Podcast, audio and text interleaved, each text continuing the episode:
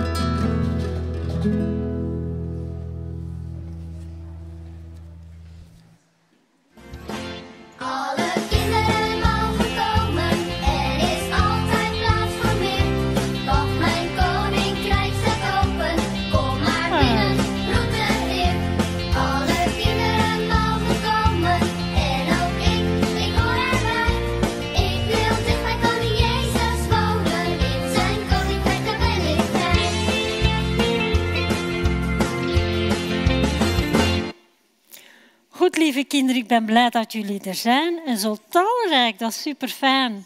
En jullie weten natuurlijk dat ook kinderen thuis meekijken en meeluisteren naar dit verhaal. En het is een heel leuk verhaal, dus kijk en luister maar mee. Op een dag wandelt Jezus langs het meer van Galilea, vlakbij het stadje Bethsaida. En daar ziet hij twee mannen staan. En zij werpen hun visnet uit op het water. Het zijn broers en de een heet Simon en de andere heet Andreas. Hallo mannen, roept Jezus. En de mannen kijken om en ze zien Jezus staan. Ik wil graag dat jullie met mij meegaan, zegt hij tegen hen. Dan worden jullie mijn leerlingen. Nu vangen jullie nog vis. En als jullie veel van mij leren, dan worden jullie vissers van mensen. Hè? Wat zeg je daar? Gaan wij mensen vissen? lachen Simon en Andreas. Moeten we dan men, mensen met ons net uit het water redden en ze op het oever redden? Nee, ik zal u leren dat God van alle mensen houdt. En als jullie dat goed begrijpen, dan zal ik jullie naar de mensen sturen en aan hen kunnen jullie vertellen dat God van ze houdt. En dan worden ze blij van. En dan gaan zij ook van God houden, zegt Jezus. Nu Simon en Andreas moeten daar niet lang over nadenken, want dat willen ze graag doen. Ze laten hun boot en de visnetten op het strand liggen en blij gaan ze met Jezus mee. Jezus wandelt verder op het strand langs het meer. Simon en Andreas gaan met hem mee. En daar zien ze visser Zebedeus met zijn twee zonen, Jacobus en Johannes. Gaan zij vandaag vissen op het meer? Nee, want dat kan niet. Hun visnetten zijn kapot. Ze zijn bezig met het repareren van hun netten. En ze naaien de gaten in de visnetten dicht. De twee zonen helpen hun vader. Ook andere vissers die voor hem werken, repareren netten. En nu staat Jezus stil bij de boot van Zebedeus. En hij zegt tegen Johannes en Jacobus, jullie zijn vissers die elke dag vis vangen voor je vader. Ik zou graag hebben dat jullie meekomen met mij.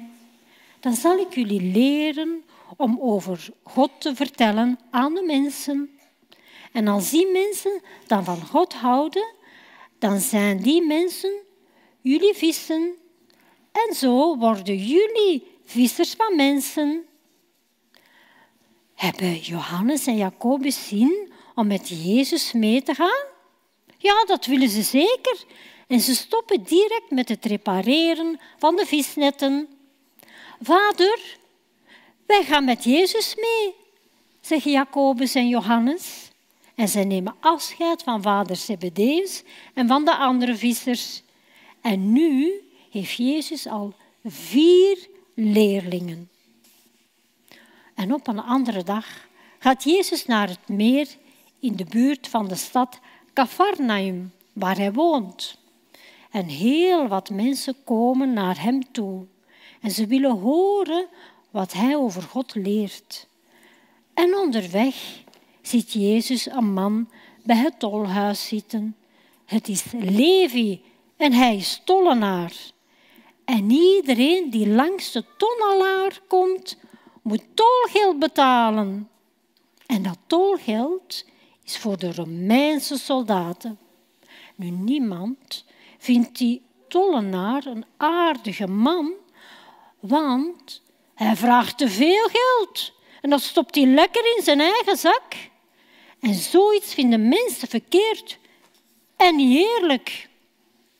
En Jezus kijkt Levi goed aan en zegt tegen hem, jij bent dan wel een tollenaar, maar toch wil ik graag dat jij met mij meekomt en mijn leerling wordt.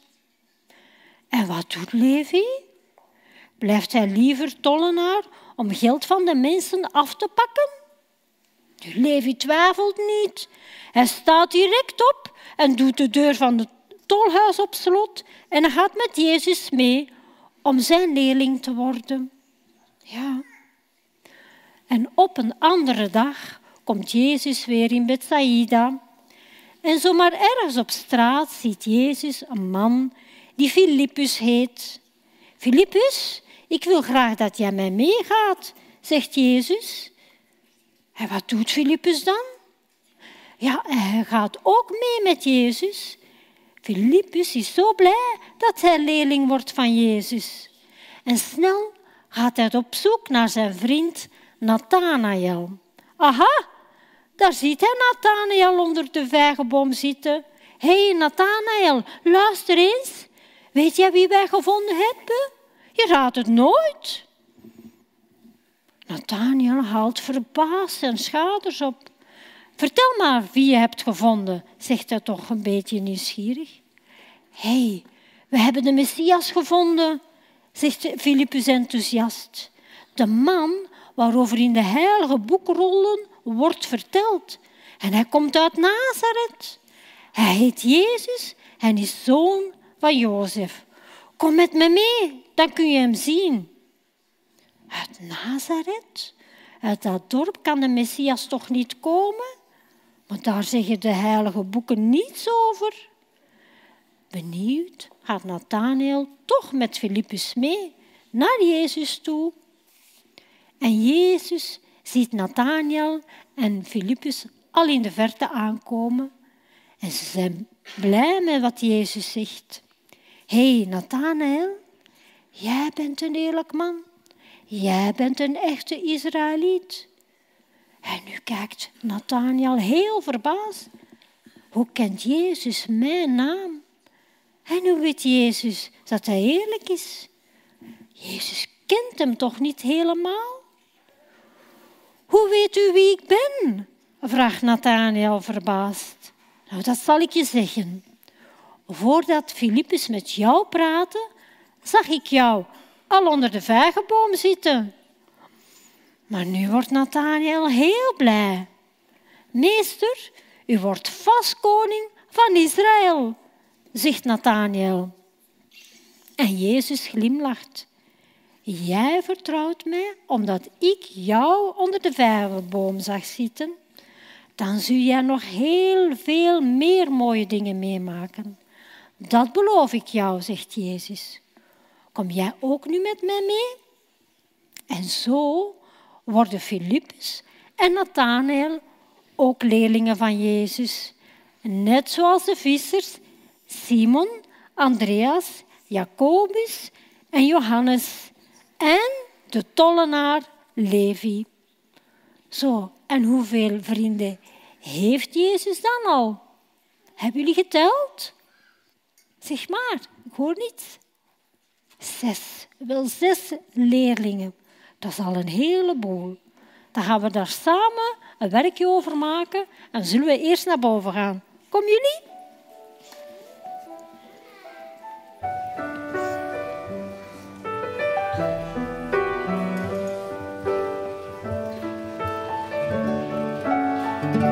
Goed zo.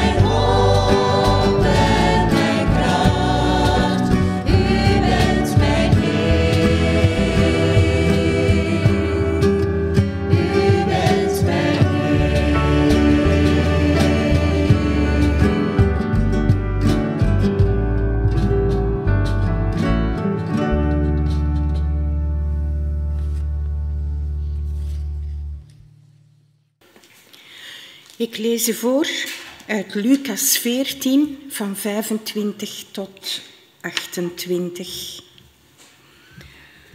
Grote mensenmenigten trokken met Jezus mee. Hij wendde zich tot hen en zei: Wie mij volgt, maar niet breekt met zijn vader en moeder en vrouwen en kinderen en broers en zusters, ja zelfs met zijn eigen leven, kan niet mijn leerling zijn. Wie niet zijn kruis draagt en mij op mijn weg volgt, kan niet mijn leerling zijn. Want wie van jullie die een toren wil bouwen, gaat niet eerst de kosten berekenen om te zien of hij wel genoeg heeft voor de bouw. Ik lees u verder in Lucas 14, vers 29 tot 32.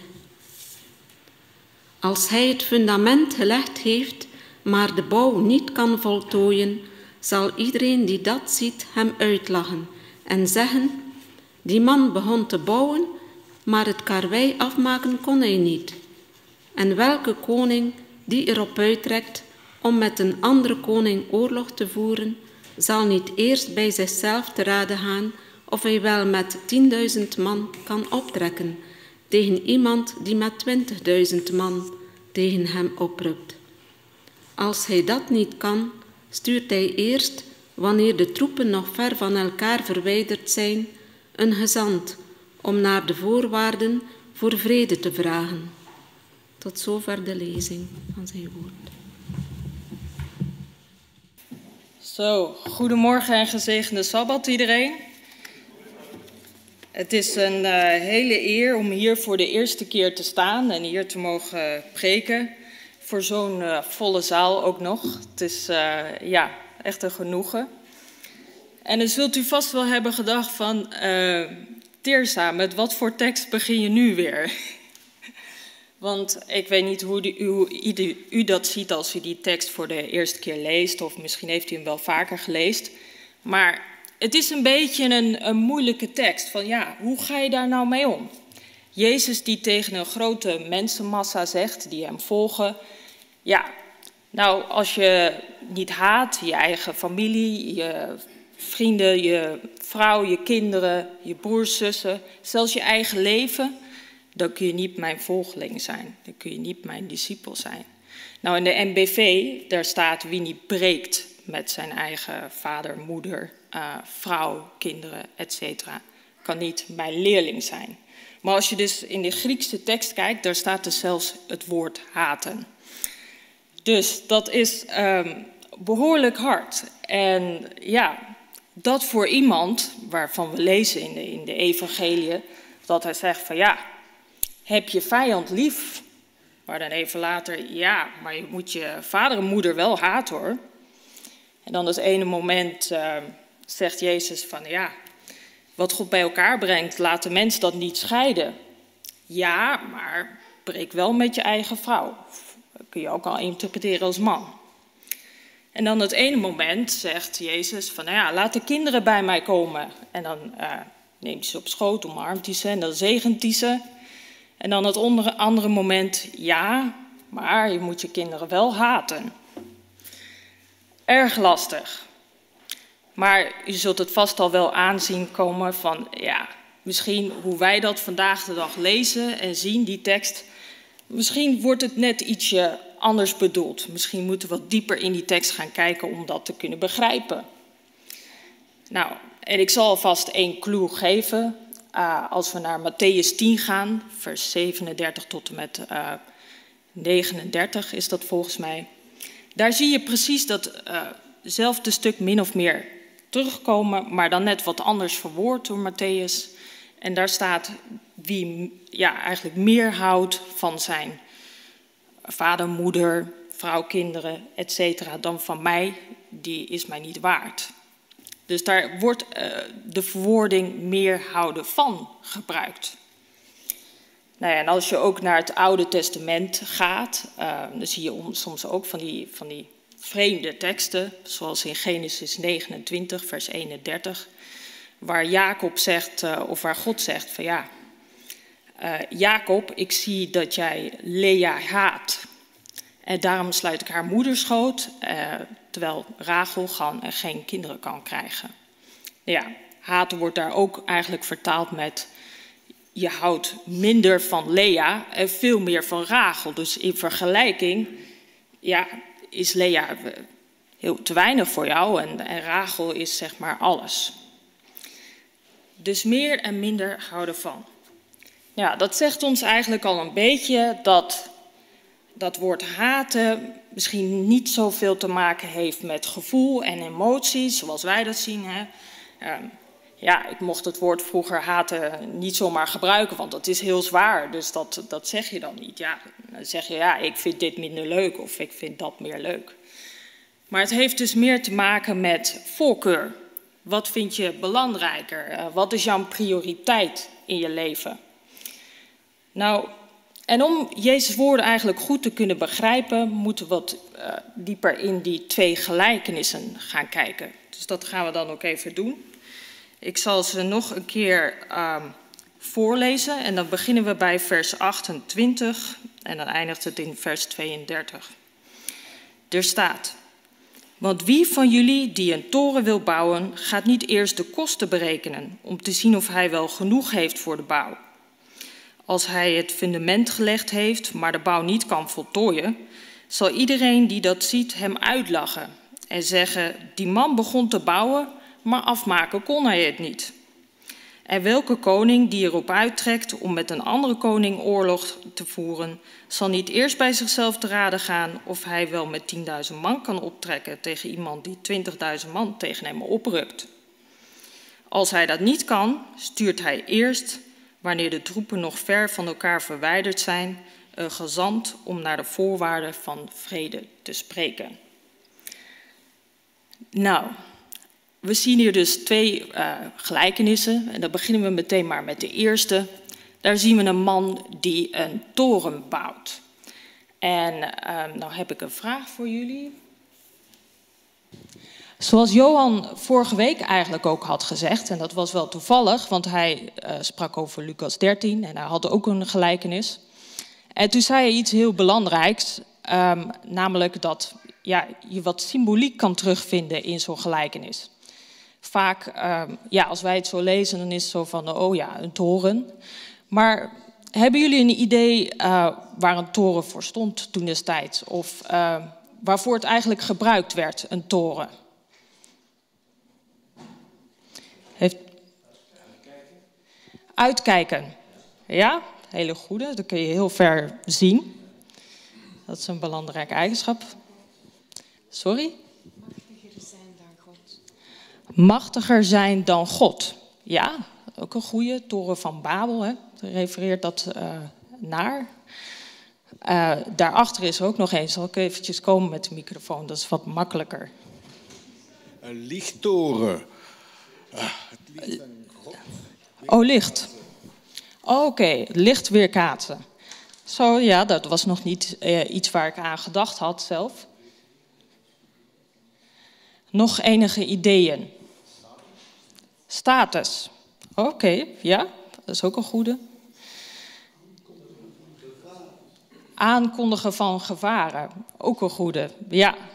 En René heeft er ook nog een. Bevestigen dat dat stuk land waar die toren op stond aan jou toebehoorde. Oké, okay. bevestigen dat het stuk land uh, waar de toren op stond, dat dat aan jou toebehoorde. Nou, een paar hele goede uh, interpretaties. En uh, er zijn al een paar waarvan ik denk dat uh, ja, ik ook die richting inga. Want um, wat je ziet is dat het Griekse woord uh, pyrgos wordt gebruikt. En nou weet ik niet of ik het helemaal correct uitspreek, maar pyrgos. Dat staat in uh, Lucas uh, 14 in dat hoofdstuk. En waar dat voor stond, en eigenlijk zie je die functie ook in het Oude Testament terugkomen, is inderdaad dat zo'n toren gebruikt werd, onder andere om uh, ver uit te kijken om de vijand aan te zien komen.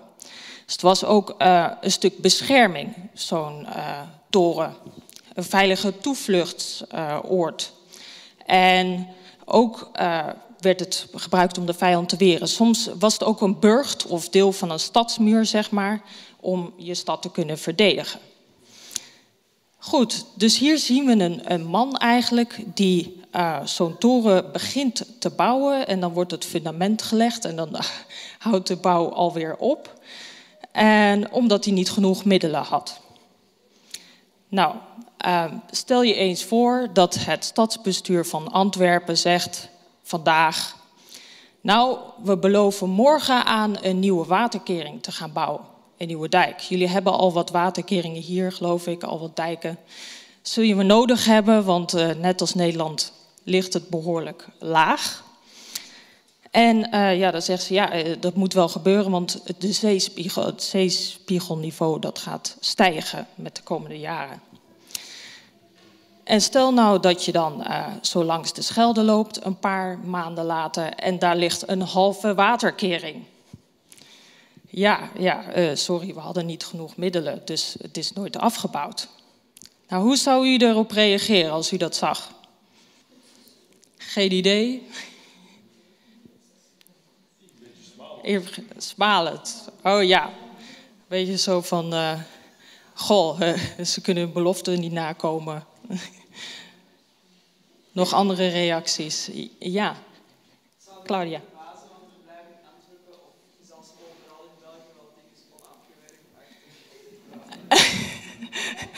Oké, jullie kijken er niet meer van op. Het is, uh, ja, gebeurt wel vaker ach, als het uh, onafgemaakt is, dan uh, is het ook wel prima. Nou ja, ik, ik, zou het zelf wat minder leuk vinden als mijn belastingcenten erin zaten. Dan zou ik denken van ja, daar, daar, spoelt nu alles weg, want het wordt verder niet gebruikt. Nou, Jezus zegt in, en dan loop ik alweer eventjes terug. Jezus zegt in de gelijkenis dat mensen er hard om moeten. Uh, ja, dat de kans groot is dat als je het niet afmaakt, dat mensen daar hard om moeten lachen. Nou, uh, en ik weet niet of. Ja, sommige van u zeiden al van ja, dat uh, is niet al te vreemd. Ik heb zelf ook in landen gewoond waar het bijvoorbeeld heel normaal is dat je niet in één keer je hele huis bouwt. Soms dan uh, heb je maar zoveel geld dat je een eerste verdieping bouwt en dan spaar je wat meer met de jaren en dan kun je een volgende verdieping bouwen. Maar nu zegt Jezus echt van ja, maar dan zullen ze erom gaan lachen als het niet afgebouwd wordt.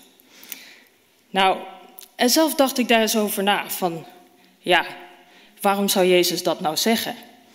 En ik kwam eigenlijk bij twee punten uh, dat hier wel frappant is in het verhaal.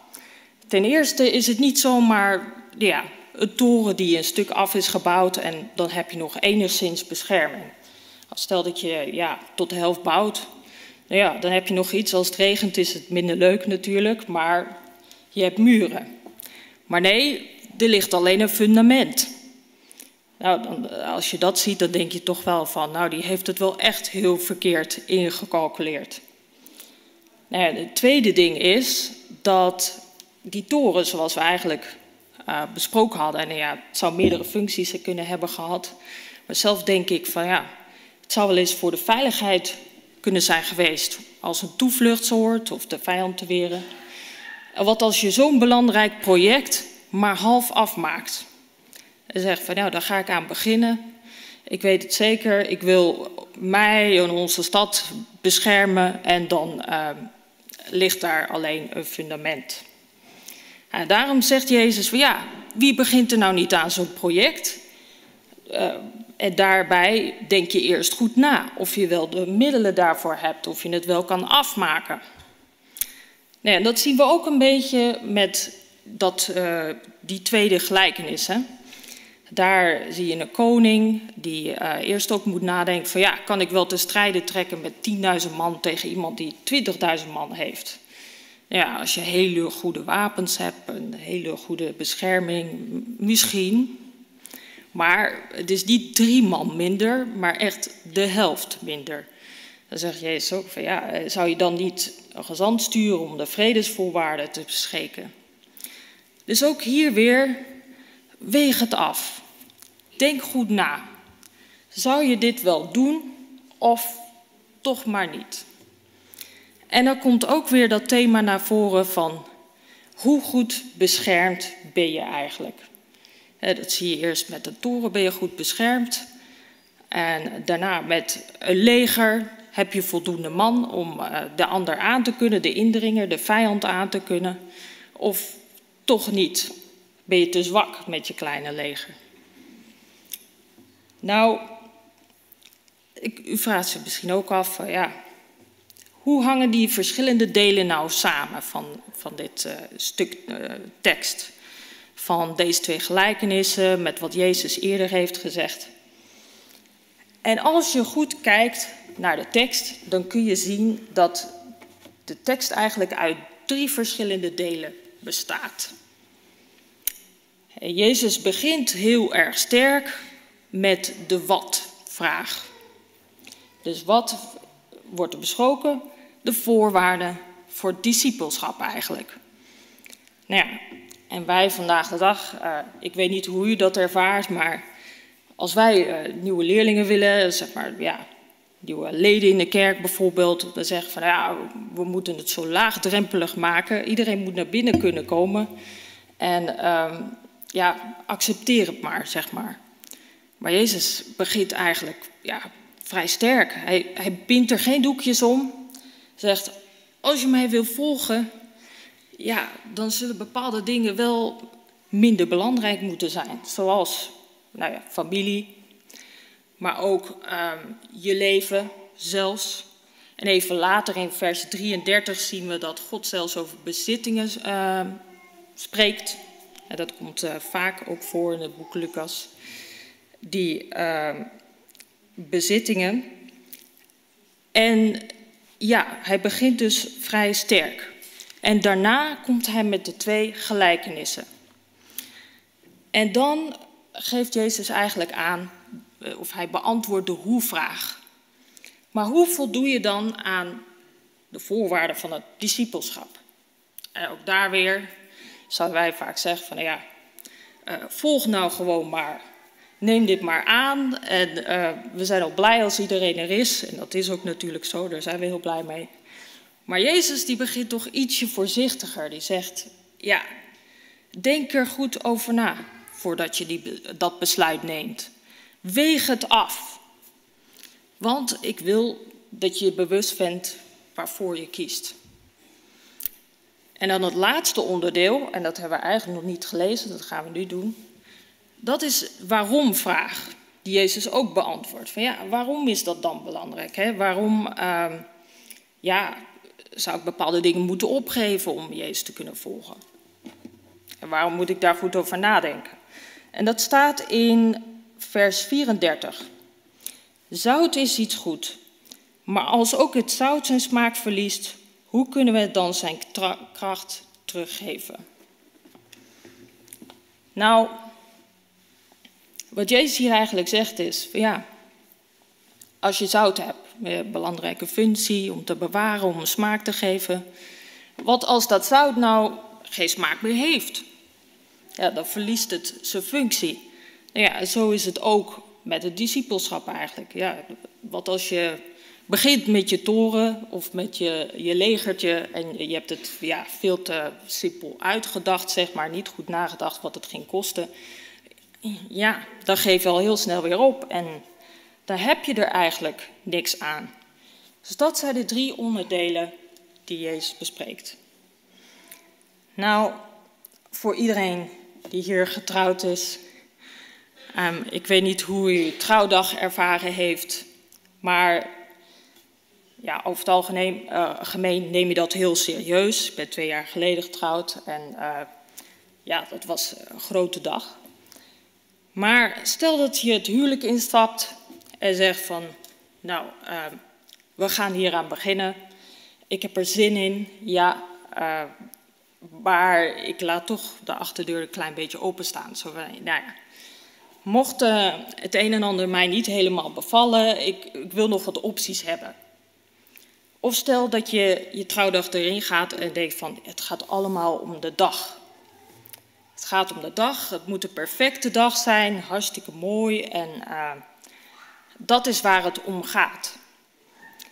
Nou, um, ja, ik weet niet uh, of u dat wel eens heeft gezien, maar het schijnt te bestaan dat mensen helemaal verliefd zijn op de trouwdag en daar dan helemaal op focussen. Een mooie jurk, mooi pak en tierenlantijntjes en alles. Maar ja, dan komt het echte leven eraan als getrouwd stel en dan kan het wel eens moeilijk worden daarna. Nou, en zo is het ook met uh, Jezus' leerlingen. Hij heeft liever niet dat je daar uh, ja, naar het altaar gaat en denkt van uh, andere opties. Nee. En daarom heeft hij het ook over nou ja, twee beelden. Een oorlog die je gaat voeren, een toren. Die, dat zijn niet zomaar beelden. Het zijn beelden die kunnen worden aangevallen. Er kunnen indringers komen, kunnen moeilijkheden komen. En zo zit dat eigenlijk ook met het geloofspad van veel uh, christenen, van mensen die Jezus willen volgen. Als je zegt vanaf het begin van ja, ik, ik zet de helft in, van ja, één voet hierin en de andere voet hou ik eruit, dan gaat dat lang goed. Kijk, die toren, dat gaat ook lang goed als daar alleen een fundament ligt, als niemand eraan komt. Het gaat ook lang goed als je maar 10.000 man hebt, als niemand je aanvalt. Maar dan als het moeilijk wordt, dan ja, heb je sneller de kans om op te geven. En dat is eigenlijk waar Jezus voor ja, waarschuwt. Denk er goed over na, want wat als een moeilijke periode komt in je leven en wil je dan nog mijn leerlingen zijn? Kan je bepaalde dingen opgeven?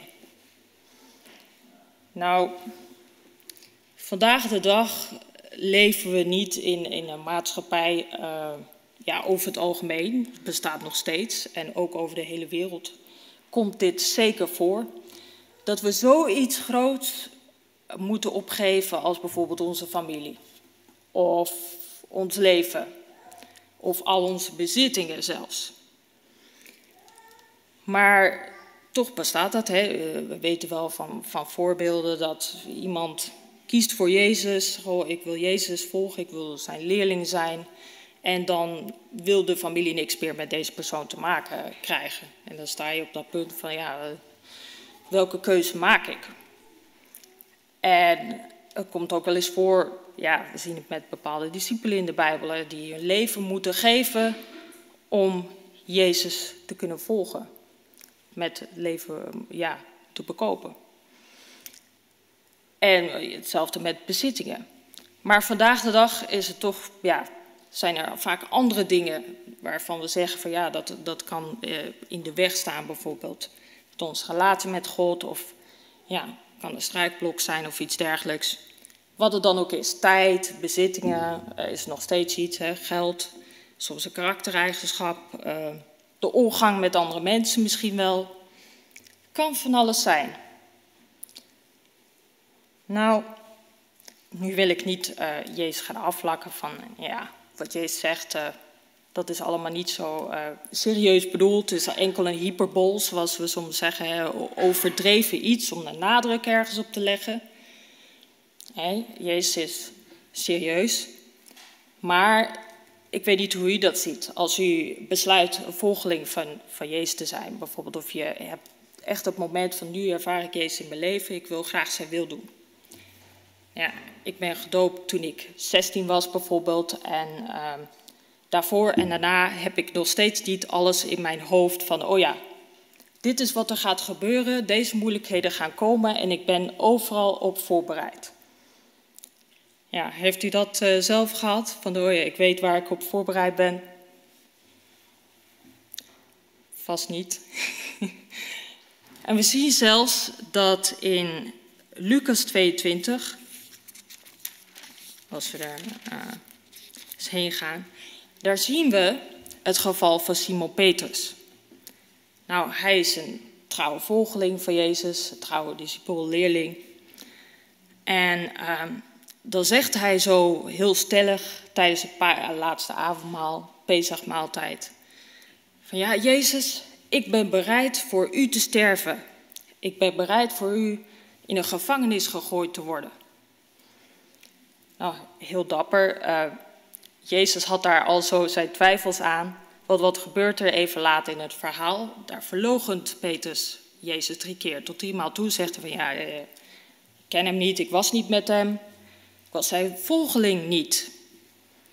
En je ziet toch dat dat menselijke erin zit en de angst van ja, ik word opgepakt. Ook al zegt hij even eh, wat eerder van ja, eh, ik kan de gevangenis ingegooid worden. En het mooie is natuurlijk dat hij berouw krijgt en hij ja, moet huilen, staat in de tekst. En het grijpt hem echt aan van ja, ik ben de fout in gegaan. En toch wordt hij ook daarna zijn hele belangrijke discipel, eh, heel belangrijk voor de spreiding van de evangelie, zoals we in het boek Handelingen ook zien. Maar dat neemt niet weg en daarmee ben ik bij het einde gekomen van deze preek. Neem niet weg dat Jezus ook vandaag de dag tot ons spreekt, tot u en ik, en zegt van, ja, wil je mijn volgeling zijn, wil je mijn leerling zijn, kies je voor mij, dan doe dat niet zomaar overhaast, maar denk er goed over na. Weeg het af, zie het als iets heel belangrijks. En ik wens u God zegen daarbij. Amen. We willen samen opstaan en met elkaar zingen uw sterke hand.